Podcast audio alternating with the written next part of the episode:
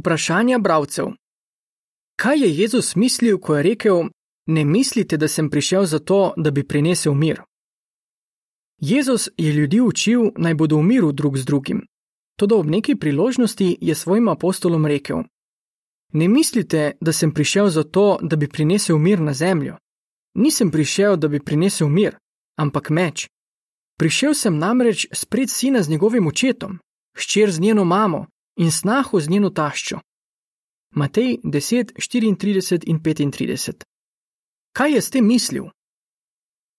Jezus ni želel ločevati družinskih članov, vendar je vedel, da bo to, kar uči, v nekaterih družinah povzročilo razdore.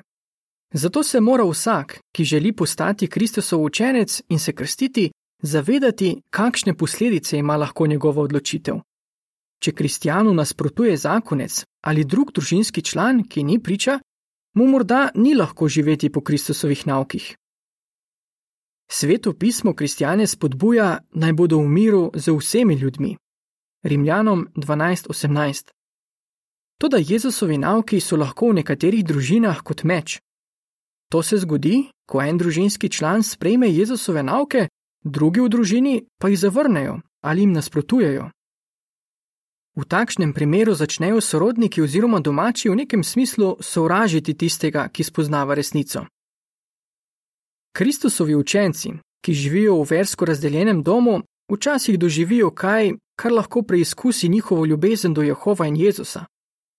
Mogoče jih sorodniki silijo, da bi sodelovali pri verskem prazniku. Komu bodo ugodili? Jezus je rekel: Kdor ima očeta ali imamo raje, kakor mene, si ne zasluži, da bi bil moj učenec. Matej 10:37 Seveda Jezus s tem ni hotel reči, da njegovi učenci ne bi smeli več imeti radi svojih staršev. Poudaril je, kaj bi nam moralo biti najpomembnejše. Če naši družinski člani hočejo, da nehamo častiti Jehova, jih imamo še naprej radi. Hkrati pa se zavedamo, da je ljubezen do Boga najpomembnejša.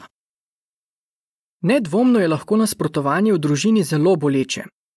Vseeno ohranjamo v mislih Jezusove besede: Kdor ne sprejme svojega mučilnega kola in ne gre za menoj, si ne zasluži, da bi bil moj učenec.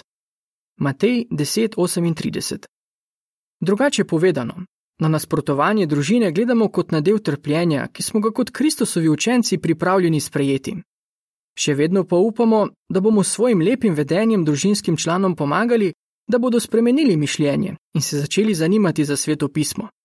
Konec članka. Če želite več informacij, prosimo, obiščite naše spletno mesto www.jdvojniv.org poševnica sl. Konec revije.